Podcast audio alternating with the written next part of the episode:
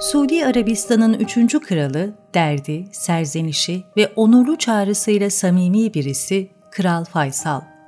Allahu alem yaşasaydı Trump'la kılıç tokuşturmayacaktı. Yaşasaydı güzelim Hicaz'ın bağrını akbabaların deşmesine izin vermeyecekti.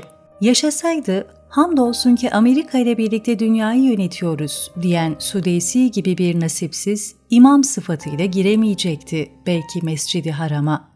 Yaşasaydı Prens Selman gibi bir caninin cinayetleriyle gündeme gelmeyecekti ülkesi. Üzücü olan Faysal adlı bir faninin bu dünyadan göçüşü değil sadece.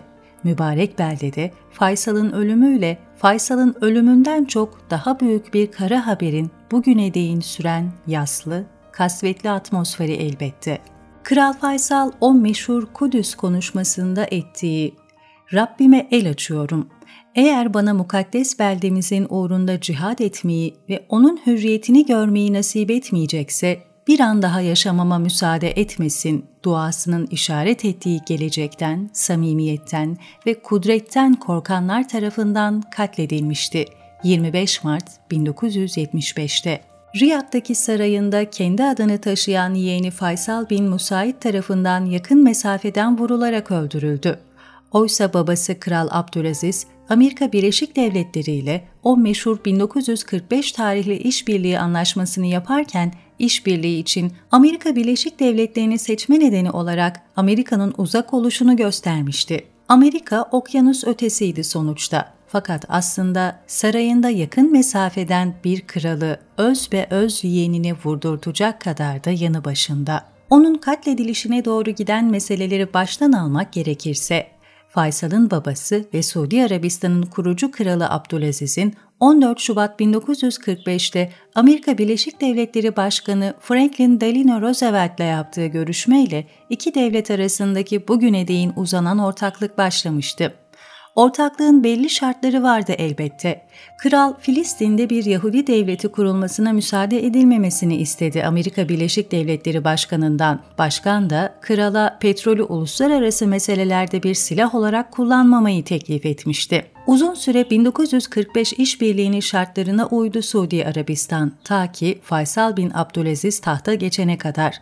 1964'te kardeşi Suudi'nin tahttan azledilmesiyle krallığı devralan Faysal, her anlamda ABD'ye bağlı bir ülkenin yönetimine geçiyordu. Yalnız kendisinden önce ve sonra gelenlerden bir farkı vardı onun. O meselelere Müslümanca yaklaşıp öyle aksiyon alıyordu.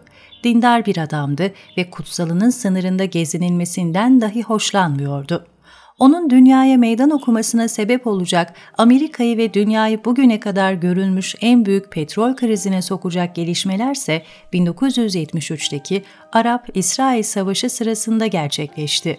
1967'deki 6 gün yenilgisinin intikamını almak, kaybedilen toprakları geri almak için 1973 yılında Mısır öncülüğündeki Birleşik Arap Kuvvetleri İsrail'e saldırdığında Kral Faysal tüm desteğiyle Mısır'ın arkasında durdu. Mısır'ın eski devlet başkanı Abdülnasır'ın yerine gelen Enver Sedat'ın İsrail'e düşmanlık konusunda kendisiyle aynı hassasiyetleri paylaştığını düşünüyordu. Bu konuda her ne kadar yanılsa da o Müslümanlar olarak İsrail'i Orta Doğu'dan kovacak kudretli olduklarına inanıyordu. Ancak Amerika Birleşik Devletleri'nin savaşa İsrail'e destek vererek müdahalesi ve Arap ordularının ateşkese mecbur kalması Faysal'ın dünya tarihine geçecek ambargo kararıyla karşılık buldu.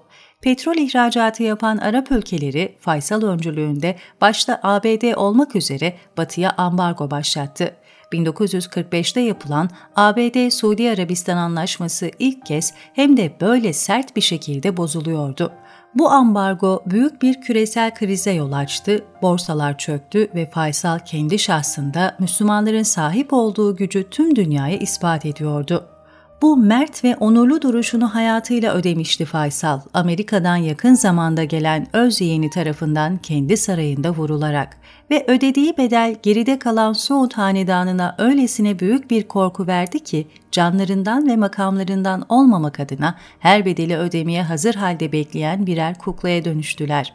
Kral Faysal suikasti sonrasında Amerika'ya rağmen Kudüs hakkında bir karar almaksa en son Kral Faysal'ın kurmaya cesaret edebildiği bir hayal olarak kaldı ve Kudüs'te Faysal'ın yanağından silinmemiş bir damla yaş olarak.